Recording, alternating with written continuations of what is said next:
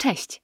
Miło mi z Wami rozmawiać w kolejnym odcinku podcastu Freakery. Bo następnie muszę przyznać, że zawsze wtedy, kiedy zamykam się w swojej garderobie i mówię do mikrofonu między butami, wyobrażam sobie Was po drugiej stronie. I pamiętajcie, jeśli podoba Wam się podcast, będę przeszczęśliwa, jeśli go ocenicie na Spotify. Jeśli jeszcze się nie znamy, nazywam się Joanna Hoffman, a to jest podcast, gdzie rozmawiamy o historii mody i nie tylko. Spragnionych obrazów, kolorów i masy modowych zdjęć zachęcam do odwiedzenia kanału na YouTube, gdzie raz w miesiącu pojawia się nowy odcinek. Przed nami jedno z wydarzeń, przez które mówi się o modzie szerzej. Nawet jeśli cała dyskusja ma często nieco plotkarski wydźwięk w postaci oceny, kto ubrał się w co i czy faktycznie dobrze zinterpretował motyw przewodni. No właśnie, czego?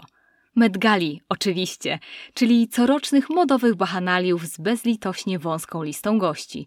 W tym roku, w 2023, temat ponownie skupi się na dorobku konkretnego projektanta, tym razem Karla Lagerfelda. Jeśli chcecie dowiedzieć się, co wspólnego z Met Galą ma Oscar Wilde i wampiry, o tym już za chwilę. Tło. Zacznę może od bezczelnej autopromocji i powiem, że odcinek o historii Met, od tego kto ją wymyślił po szczegóły menu, znajdziecie zarówno na YouTube, jak i w wersji podcastowej.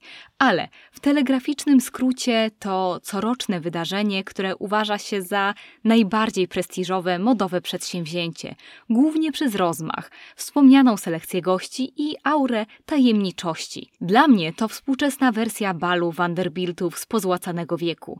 To takie sprawdzenie, kto sięga towarzyskich szczytów. Gala odbywa się w Metropolitan Museum of Arts i otwiera coroczną wystawę poświęconą wątkom mody w ujęciu kulturowym. Temat Met Gali 2023 to Karl Lagerfeld A Line of Beauty. Co ciekawe, od kiedy Met ma motywy przewodnie, zaczęło się właśnie od ujęcia dorobku konkretnego projektanta, mianowicie Balenciagi. Później byli m.in. Saint Laurent, Dior, Poiret, Chanel czy McQueen. Pomyślałam, że przy okazji tego wydarzenia nie skupimy się może na dokładnej biografii projektanta. Znajdziecie całą masę genialnych artykułów, książek, dokumentów, ale powiemy sobie co nieco o tym, w jaki sposób Lagerfeld wpłynął na współczesną modę i dlaczego tak mocno zagnieździł się w popkulturze. Met nie zajmuje się przecież każdym projektantem, dotyka tych konkretnych, najmocniej wpływających na sztukę i postrzeganie mody. Doza biografii. Choć, jak mówiłam, nie wejdziemy tu w szczegóły biografii, ale no, odrobina jest potrzebna, żeby lepiej wgryźć się w tło. Lagerfeld urodził się w roku 1933, choć sam bardzo lubił siebie odmładzać. W Hamburgu, w bogatej rodzinie, nasiąkał od dziecka artystycznymi wpływami i nonkonformizmem swojej matki – jego koledzy z klasy wspominali, że od zawsze coś szkicował. W roku 1947 rodzina przeniosła się do Paryża i mały Karl, oj, dostałoby mi się za to, bo Lagerfeld wspominał, że od zawsze chciał być dorosły, został zapisany do liceum, żeby uczyć się rysunku. Dalej, w roku 1954 Międzynarodowy Sekretariat Wełny zorganizował konkurs. Szkic płaszcza Lagerfelda zdobył pierwszą nagrodę – i należytą uwagę. Wtedy zauważył go Bolmę, oferując Lagerfeldowi stanowisko asystenta. W wieku 20 lat został też dyrektorem artystycznym w domu mody Patu. Był pracowity i głodny wiedzy. Wspominał, że kocha pracować po 16 godzin dziennie, tak naprawdę przez całe swoje życie, i jest jak modowa maszyna. Nie zastanawia się zanadto, robi jedno, szuka kolejnego. A przy tym był niespokojny. Stał się jednym z pierwszych, nazwijmy to, projektantów freelancerów. Traktował wszystko, jakby było wyzwaniem, które on musiał znaleźć, podbić i obezwładnić. W latach 60. trafił do Chloe, gdzie wkrótce stał się jednym z dyrektorów kreatywnych, wprowadzając markę w klimat eterycznych, romantycznych lat 70. Jak ciężko pracował? Na przykład tak, że w 1974 roku stworzył kolekcję ponad 200 sylwetek. Czy było mu mało? Jak najbardziej. W międzyczasie związał się z Fendi, gdzie pracował do swojej śmierci, a poza tym tworzył projekty dla Tiziani i na zamówienia indywidualne. Mówił, że jest modowym wampirem. Widzi coś, wysysa do cna. W międzyczasie, jakby w ogóle miał czas dodatkowy, tworzył też znakomite modowe zdjęcia. Przełom, z którym Lagerfeld najbardziej jest kojarzony i do mody, któremu dosłownie sprzedał duszę, to oczywiście Chanel – jest rok 1983. Lagerfeld zostaje dyrektorem kreatywnym Chanel. Przyjęcie było chłodne, mówiąc dość łagodnie. Po pierwsze, Lagerfeld był niecierpliwy, chciał wypuszczać kolekcje szybko i nowocześnie. Po drugie, był pierwszym obcokrajowcem, który przejął stery francuskiego domu mody. Uroczy jak zawsze, wspominał, że Chanel przypominała wtedy bardziej rozkładające się ciało. Jego debiut zebrał mieszane recenzje, bo działał po swojemu.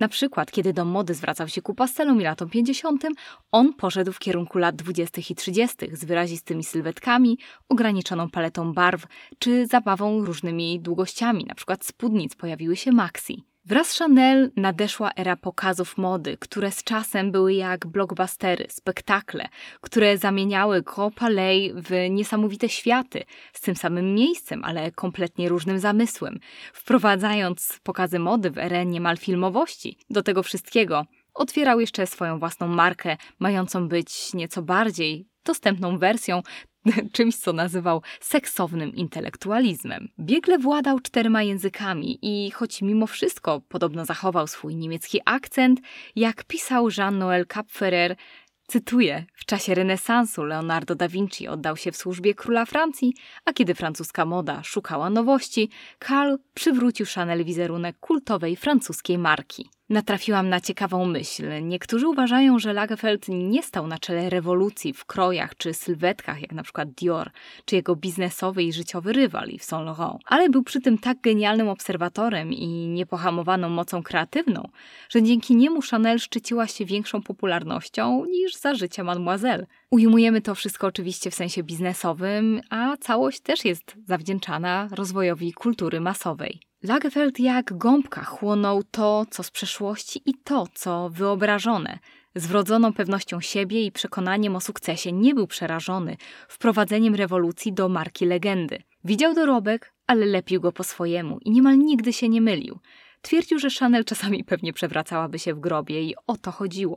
Przez niemal 40 lat trzymał dom mody za lejce i prowadził go w nowych kierunkach. To dzięki niemu logo Chanel zaczęło pojawiać się na torebkach w erze logomanii i zresztą pojawiania się Bags w latach 90. To on czerpał garściami z historii, odkurzał z pajęczyn i tłumaczył na język nowego pokolenia. Rozumiał Chanel jako ideę, którą może transformować, a Chanel zarobiło najwięcej w historii bez patrzenia w przeszłość.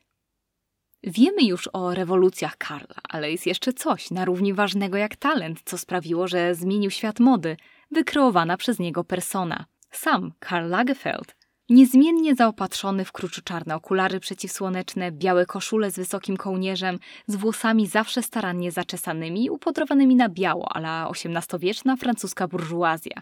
W dłoniach często wachlarz, na dłoniach rękawiczki. A jeszcze w ramach ciekawostki dodam, że jego ulubione koszule szyło Hilditch and Key i te same koszule od tej samej marki najbardziej kocha Fran Leibowitz. Lagerfeld zrobił z siebie coś w rodzaju chodzącego portretu Kaiser, Karl. Nazywany niemieckim określeniem cesarza, stał się popkulturowym awatarem – jego pieczołowicie wykreowany wizerunek dla niektórych można stawiać nawet na równi z Warholem, chociaż sam Karl raczej unikał pławienia się w określeniu artysta, ale przy tym sam stworzył z siebie ikonę w formie bez precedensu we współczesnym modowym świecie. Jak wspominała Hetty Judah, dla świata mody był uspokajająco stałym i pozornie niekończącym się źródłem fascynacji. Bo jeśli dobrze się zastanowimy, obecne głowy kreatywne stojące na czele wielkich domów mody raczej pracują w skromnym cieniu, bez rozhulanego ego, skupiając się na dyskretnym etosie pracy, unikając kontrowersji. Nie to co Karl. Zostawił ślad na modzie, ale przy tym na popkulturze, nie tylko jako człowiek, ale też jako forma dzieła, które było tak charakterystyczne, że mogło być nieustannie odtwarzane, stało się własnością publiczną. Składową jego persony była ekstrawagancja pod czarno-białym płaszczem. Może było mu wolno więcej ze względu na wrośnięcie w modowy obraz przez dziesięciolecia. Stał się jak ten jeden członek rodziny, którego traktuje się z szacunkiem i przymrużeniem oka. Wolno mu więcej ze względu na wiek i doświadczenie. Choć oczywiście nie każdemu się to podobało. A trzeba dodać, że sam wybór Lagerfelda chociażby na osobę honorowaną przez Met Gale był dla niektórych kontrowersyjny. Wystarczy zacytować jego wypowiedzi o ciałach modelek, czy też nawet krytykę ruchu MeToo. We współczesnym świecie jego wypowiedzi były raczej jak żywo wyjęte z rubryki Diany Vreeland w Harper's Bazaar, niż jak pełne skupienia, rozważne wypowiedzi artysty. To, w połączeniu z teatralnością i niechęcią do wpuszczania ludzi do świata prywatnego, sprawiało, że jego kreacja była jak oglądanie filmu trochę wymykająca się przyziemnej ocenie.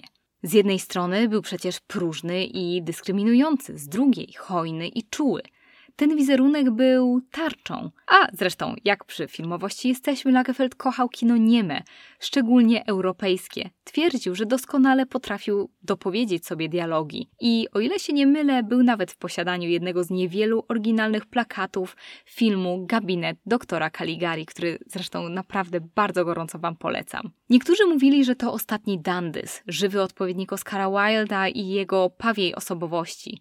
Przecież oboje słynęli z równie ironicznych wypowiedzi i błyskotliwych, jak najbardziej. Co Lagerfeld na to? W swoim stylu. Mam nadzieję, że skończę lepiej niż Wilde. Przez swój staż w Chanel i tak naprawdę zagnieżdżenie jej tak zupełnie w popkulturze odkrył ją na nowo, w tym poprzez sięganie do historii, wyłapywanie motywów, które snuły opowieść. Następnie zagnieżdżał je we współczesności. Wydaje nam się teraz, że wiemy o Chanel tak wiele. Marka staje się niemal kliszą przez to, że jest zawsze podawana jako przykład francuskiej elegancji.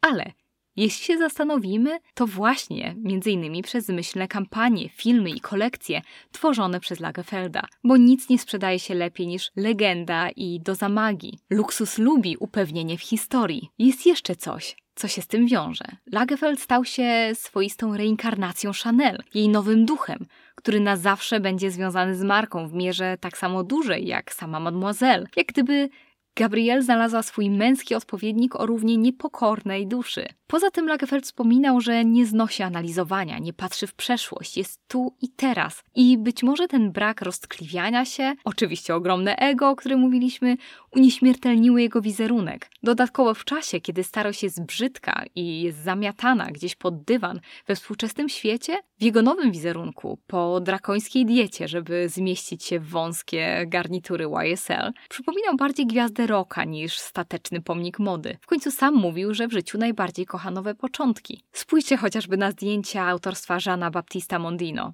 Idealnie obrazuje to to, o czym właśnie sobie mówiliśmy. Lagerfeld był mistrzem autokreacji, wewnątrz i na zewnątrz. Był ostry jak brzytwa, meandrował pomiędzy różnymi dziedzinami sztuki, miał reżyserskie oko do szczegółów, historii i stylu. I Lagerfeld też bywa często cytowany, co bardzo ciekawe, w kontekście analizy kreatywności. Miał uosabiać ważne w procesie twórczym cechy, lekkość, nieoczekiwanie, czyli po prostu zdolność zaskakiwania i Bildung, czyli niemieckie określenie na proces wzrastania, w tym kulturowego, a już wiemy, że potrafił wysysać to, co najlepsze jako wampir. Jednak mimo tego, że Lagerfeld niby zamykał się na przeszłość, dziennikarze, którzy przeprowadzali z nim wywiady, np. Andrew O'Hagan z New York Timesa, wspominali, że jedyną staroświecką rzeczą było to, w jaki sposób mówił, skupiając się na rozmowie, rzucając anegdotami, formułując zdania w stylu Karla. Żył własną legendą w każdy możliwy sposób, z każdym instynktem, jaki posiada w świecie sztywnych konwencji. Miał odwagę uwieczniać wizję czegoś naprawdę wspaniałego. I miał też inteligencję pozwalającą na to, żeby nie traktować traktować wszystkiego, w tym siebie, zbyt poważnie. I właśnie przez te wszystkie lata, choć niby nie musiał, chciał zadowolić przede wszystkim jedną osobę siebie. Zdobył wszelkie możliwe nagrody, ale świat wciąż był zaskoczony jego odejściem. Przecież przez tyle lat był w stanie idealnie ujmować zeitgeist współczesnej mody.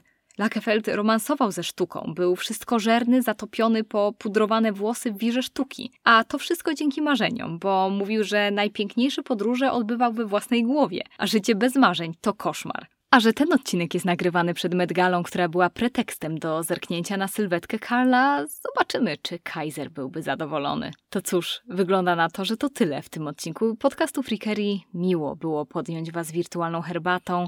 Jak zawsze jestem ciekawa Waszych opinii. Miejcie się wspaniale i do usłyszenia lub zobaczenia w kolejnym odcinku.